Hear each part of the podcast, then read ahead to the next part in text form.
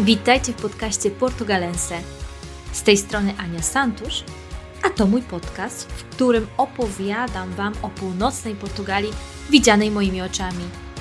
Wybierz się ze mną w podróż po tym pięknym kraju nad Oceanem Atlantyckim.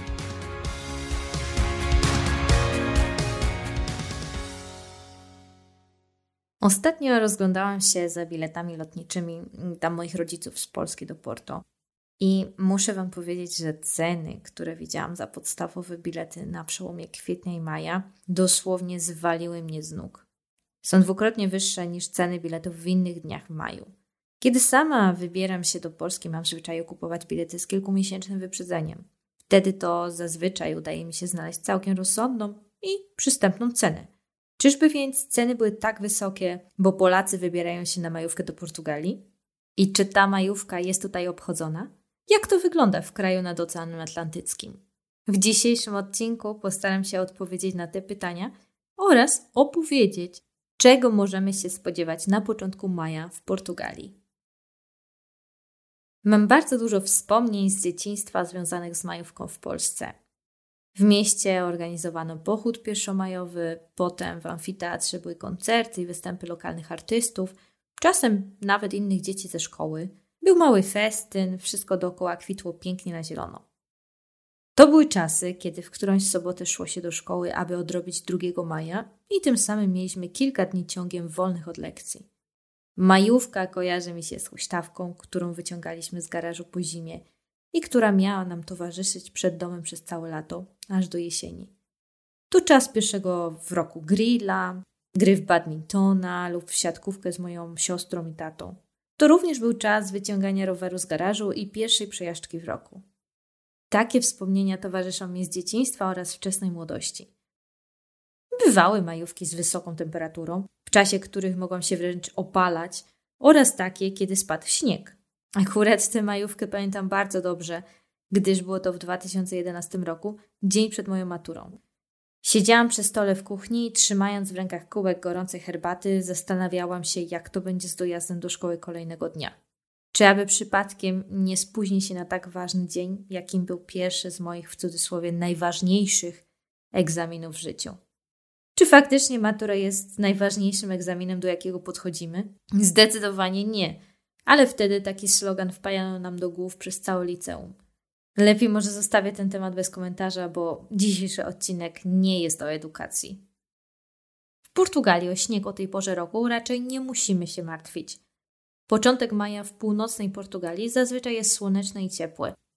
Nie mówię, że od razu możemy iść na plażę, wygrzewać się w słońcu i moczyć w oceanie, ale myślę, że bez problemu możemy przebywać w krótkim rękawku na zewnątrz, wśród zieleni, po prostu rozkoszując się wiosną w parku. Warto na pewno pamiętać o kremie z filtrem, bo słońce już potrafi nieźle opalić. Ja się do nich zdecydowanie zaliczam i po kilku godzinach na wolnym powietrzu, niekoniecznie w cieniu, przypominam potem krewetkę. Czy w Portugalii mamy majówkę? Uważam, że nie. Otóż 1 maj jest dniem wolnym od pracy od 1974 roku, czyli po rewolucji goździków, ale na tym koniec. Może się zdarzyć, że tak jak w tym roku będzie to poniedziałek i wydłuży nam się weekend. W tym wypadku po portugalsku powiemy na to ponte. Słówko to jest bardzo ciekawe, bo pierwsze znaczenie, jakie nam przychodzi do głowy, to most. Jednak może także oznaczać wydłużony weekend. Gdyby 1 maja wypadł we wtorek, w instytucjach publicznych poniedziałek w takim przypadku mógłby być dniem wolnym od pracy. Wtedy byłaby mowa o tolerancję de pontu. Premier w takiej sytuacji podpisuje specjalny dekret, w którym ustanawia dodatkowy dzień wolny dla pracowników sektora publicznego. Ale raczej nie ma na co liczyć, że ten czas będzie traktowany tak samo jak w Polsce. Tu nie obchodzimy 3 maja, to przecież nasze polskie święto. Dlatego uważam, że nie możemy mówić o obchodzeniu majówki w Portugalii z takim samym rozmachem, jak to ma miejsce w Polsce. Taki dłuższy weekend na skalę polskiej majówki w Portugalii kojarzy mi się raczej z czerwcem. 10 czerwca jest tu dniem wolnym od pracy. Obchodzimy wtedy Dzień Portugalii, Camoisza oraz społeczności portugalskich. W tym roku akurat wypada on w sobotę, ale zdarza się, iż wypadnie w inny dzień tygodnia. Może być poprzedzony innym dniem wolnym od pracy, a mianowicie Świętem Bożego Ciała, który zawsze przypada w czwartek. W Lizbonie i okolicach 13 czerwca świętuje się Dzień Świętego Antoniego. Z tej okazji na szczeblu lokalnym celebruje się tzw. Tak feriado municipal. Stąd w tym roku mieszkańcy Lizbony mogą liczyć na przedłużony weekend od 8 do 13 czerwca. Porto nie obchodzimy Dnia Świętego Antoniego. Tutaj ważną datą jest 24 czerwca, czyli Dzień Świętego Jana.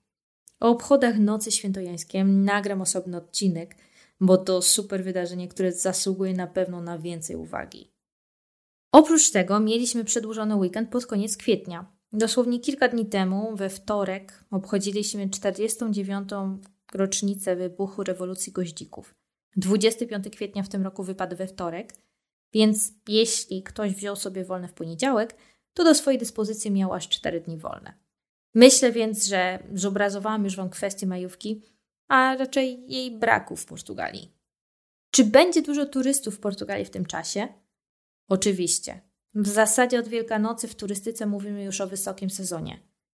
Coraz więcej osób decyduje się na podróż, chociaż taki weekendowy wypad do Porto czy Lizbony. Pamiętam, że jeden z najgorszych jak do tej pory dni w mojej pracy padł właśnie na końcówkę kwietnia w 2017 roku. Nie wiem, co się wtedy wydarzyło, ale turyści nie przestawali przekraczać progu piwnicy. Pracowałam wtedy dla innej firmy niż obecnie, ale była to już enoturystyka. W sali degustacyjnej nie dało się przejść między stolikami. Zabrakło wszystkiego: wina, jedzenia, wody. Niestety ówcześni przełożeni nie potrafili podjąć decyzji o zamknięciu drzwi dla odwiedzających ze względu na przepełnienie piwnicy.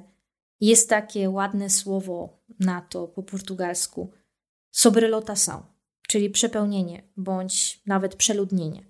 Dalej sprzedawali wejściówki, a my, szeregowi pracownicy, nie mieliśmy nic do gadania i trzeba było oprowadzić oraz obsłużyć resztę turystów w warunkach takich, jakie były. Reklamacje sypały się jedna za drugą. Kiwałam tylko głową, przyznając klientom słuszną zresztą rację, ale niestety nie mogłam nic zrobić. Musiałam przejść w tryb robota i dokończyć swoją zmianę, ale to już na szczęście przeszłość.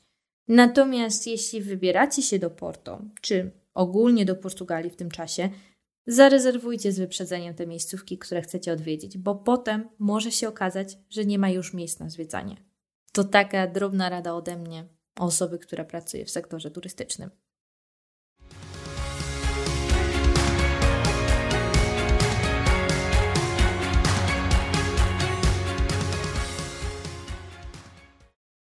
Przy okazji tematu majówkowego chcę Wam dzisiaj opowiedzieć o jednym ze zwyczajów, który ma miejsce w północnej Portugalii. Nie wiem, czy na południu również się go praktykuje. Jeśli słuchacie tego podcastu i mieszkacie w okolicach Lizbony lub Alenteżu czy Walgarwy, to dajcie mi koniecznie znać, czy o nim słyszeliście, czy wręcz przeciwnie, jest to dla Was zupełna nowość. Chodzi o tradycję Ażmajasz, z którą spotykamy się przede wszystkim na terenach wiejskich niż w samym sercu miasta. Otóż wedle tradycji 30 kwietnia mieszkańcy północy idą na pola i zbierają kilka gałązek zieszta z rodzaju cytisus. Gałązki tej rośliny z rodziny bobowatych, popularnie nazywanej majerz, mają żółte kwiaty. Następnie w nocy z 30 kwietnia na 1 maja gałązki te umieszcza się na drzwiach oraz w szczelinach okien w domach, a także za wycieraczkami samochodowymi. Jest to jeden z bardzo starych zwyczajów, które są związane z nadejściem wiosny i z uprawami. Jest kilka teorii wyjaśniających jego pochodzenie. Jedna z nich wiąże się z Cesarstwem Rzymskim. Jak już zapewne wiecie, Portugalia wchodziła kiedyś w jego skład. Maja była rzymską boginią utożsamianą z płodnością, wiosną i ogólnie z siłami witalnymi. W cesarstwie w pierwsze trzy dni maja świętowano Floralia, był to czas celebracji płodności, wiosny, modlono się także do bogini Flory, która miała zapewnić pomyślność dla rolników w nadchodzącym roku. Jest więc bardzo możliwe, że to właśnie Rzymianie zaszczepili ten zwyczaj w Portugalii. Także Celtowie w nocy 1 maja prosili ziemię o dobre plony i pomyślność dla rolników. Skąd dokładnie ten zwyczaj przywędrował do Portugalii? Nie wiadomo. Jest jednak pewne, iż był to zwyczaj pogański. Portugalczycy wierzą, że gałązki majarz mają cudowną moc odpędzającą złe duchy i diabły. Mają zapewnić pomyślność oraz obfitość plonów w kolejnych miesiącach roku. Czytałam, że w Viana de Castelo tworzy się wieńce z zieszty oraz innych polnych kwiatów i przystraja się nimi balkony na starówce miasta. Ja sama akurat w Wianie w tym majowym czasie nie byłam, więc nie widziałam tego na własne oczy, ale na zdjęciach wygląda to rewelacyjnie. W Traszusz Monteż natomiast panuje zwyczaj, że 1 maja należy zjeść kasztany. Tradycja, o której tutaj wspomniałam, nosi nazwę Aszmajesz, ale też w zależności od regionu można na nią mówić Użmajusz lub a flor du maju. Dlaczego akurat używa się gałązek żieszty na północy? Powód jest bardzo prosty. Jej żółte kwiaty symbolizują życie oraz światło, a na dodatek obficie porasta łąki w tym czasie. Nie trzeba zapuszczać się jakoś bardzo daleko, by znaleźć te bujne krzewy przy lokalnych drogach, które rosną sobie przy poboczu. Przynajmniej w północnej Portugalii. Mówi się także, że zapach tych kwiatów odpędza złe i nieżyczliwe spojrzenia innych ludzi. Na północy kraju, na diabła, który pojawia się właśnie 1 maja, mówi się karapatu, maju lub burru. Co roku widzę u sąsiadów drzwi lub samochody przystrojone gałązkami. Jest to dalej żywy zwyczaj, który można spotkać na północy. Dwa lata temu wybrałam się 1 maja na szlak w góry Montemuru. Kiedy przechodziłam przez wioski na nim leżące, widziałam pełno domostw udekorowanych obficie gałązkami zieszty. Nawet budynki, w których trzymano zwierzęta, miały pełno kwiatów zatkniętych za klamki lub okna. Od teraz, jeśli odwiedzicie Portugalię akurat w tym czasie i zobaczycie te żółte kwiaty, które zdobią okna i drzwi, będziecie wiedzieć, co symbolizują te gałązki.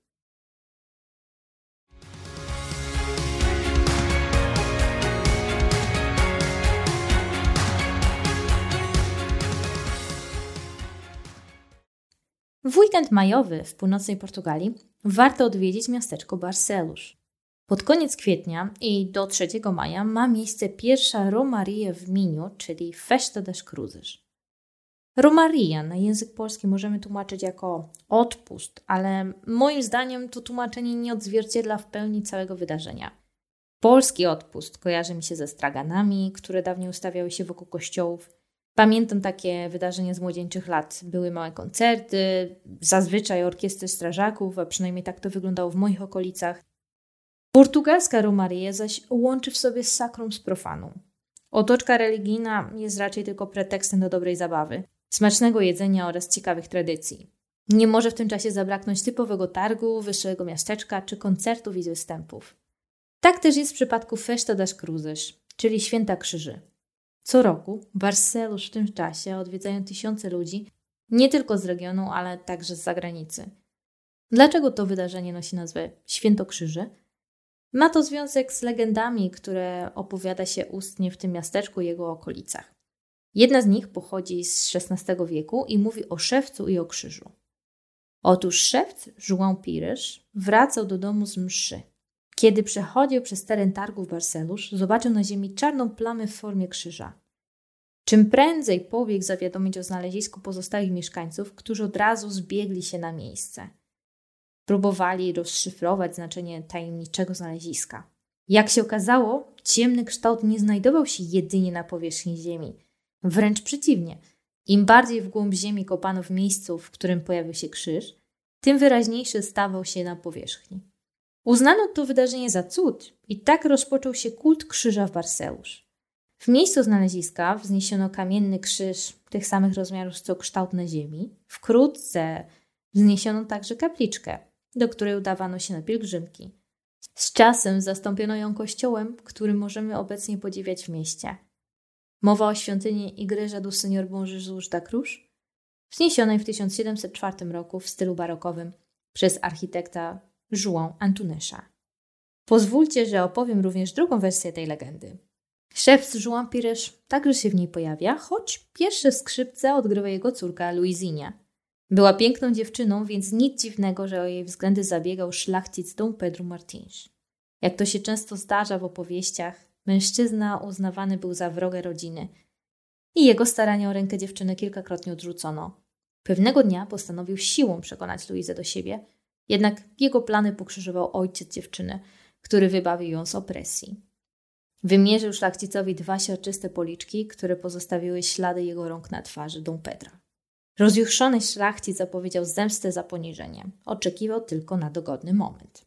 Pewnego dnia u wybrzeży Iszpozendy zatonął statek z Flandrii.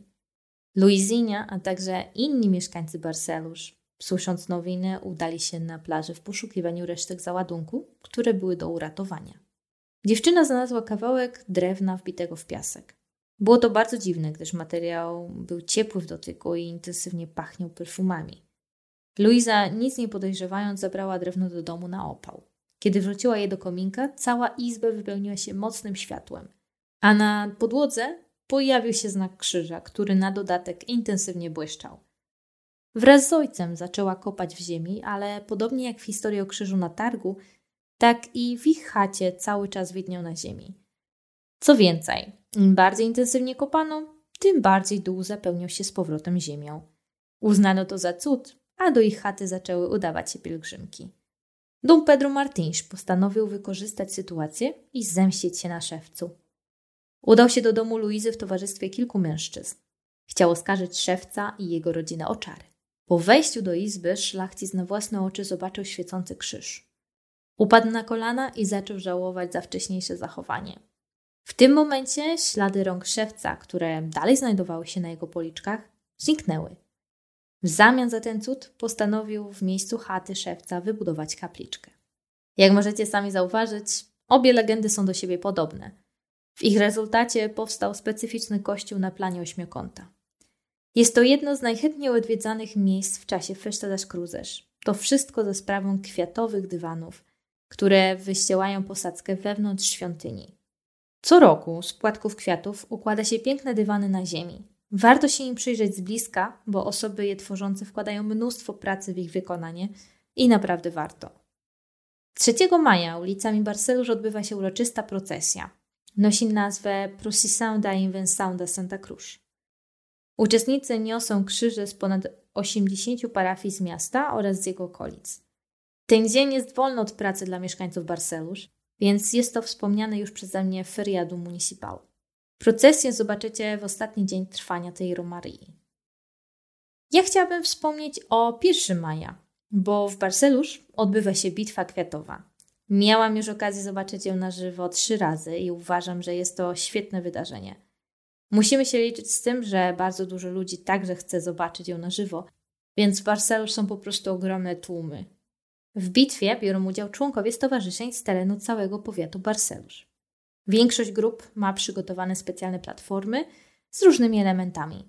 Członkowie każdego ze stowarzyszeń ubierają się w podobny sposób.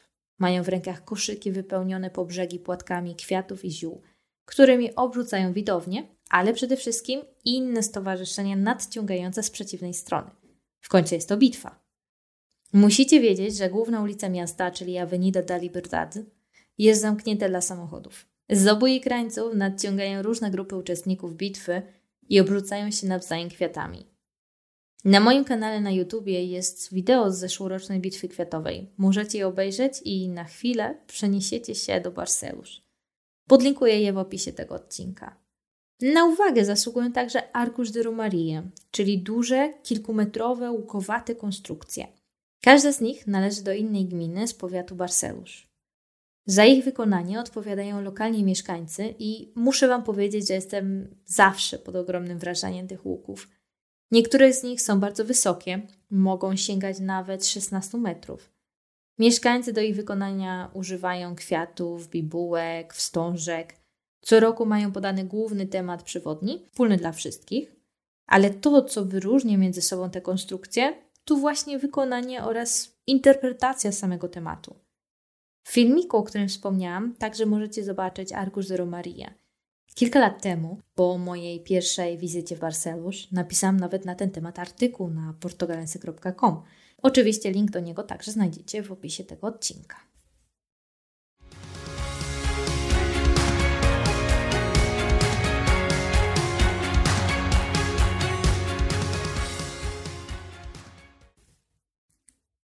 Pierwsza niedziela maja jest również ważna dla Portugalczyków, gdyż obchodzą Dzień Matki. Jest to więc święto ruchome, nie ma stałego dnia, jak to ma miejsce w Polsce. Jeśli mowa już o Dniu Matki, to warto wspomnieć także o Dniu Ojca. W tym przypadku Portugalczycy świętują go 19 marca. Datę tę wybrano nie bez przypadku. W Kościele katolickim bowiem w ten dzień przypada wspomnienie świętego Józefa. Są to więc e, daty zupełnie inne niż te, które obchodzimy w Polsce. Czy są to święta komercyjne? Trochę tak. Wystawy sklepowe zazwyczaj już na kilka dni wcześniej pokrywają się sugestiami prezentów dla każdego z rodziców. W cukierniach znajdziemy specjalnie udekorowane ciasteczka lub małe torty. Portugalczycy lubią także w te dni wybrać się wspólnie z rodzicami do restauracji. Często lokale gastronomiczne pękają w szwach właśnie w Dzień Ojca oraz w Dzień Matki. W tym roku obchodzić będziemy Dzień Matki w niedzielę 7 maja. Tak właśnie wygląda początek maja w Portugalii. Różni się trochę od tej typowej polskiej majówki, choć oczywiście można znaleźć kilka podobieństw. Co wy sądzicie na temat zwyczajów, o których opowiedziałam? Słyszeliście kiedyś o Majasz? Mieliście okazję wziąć udział w Festedasz Cruzyż w Barcelusz? Dajcie mi koniecznie o tym znać w komentarzach pod tym odcinkiem lub w mediach społecznościowych. Będzie mi bardzo miło, jeśli opowiecie o moim podcaście znajomym. Może w ten sposób dotrze on do większego grona osób? W niektórych aplikacjach podcastowych jest także możliwość wystawienia recenzji. Będę Wam bardzo wdzięczna, jeśli poświęcicie kilka minut, aby to zrobić. Dziękuję za uwagę i słyszymy się za dwa tygodnie. Pa, pa! Dziękuję za wysłuchanie kolejnego odcinka podcastu Portugalense. Jeżeli chcecie dowiedzieć się czegoś więcej na temat północnej Portugalii, odwiedźcie koniecznie moją stronę www.portugalense.com. Znajdziecie mnie także na Instagramie portugalense blog oraz na YouTubie Portugalense. Do usłyszenia w kolejnym odcinku podcastu Portugalense.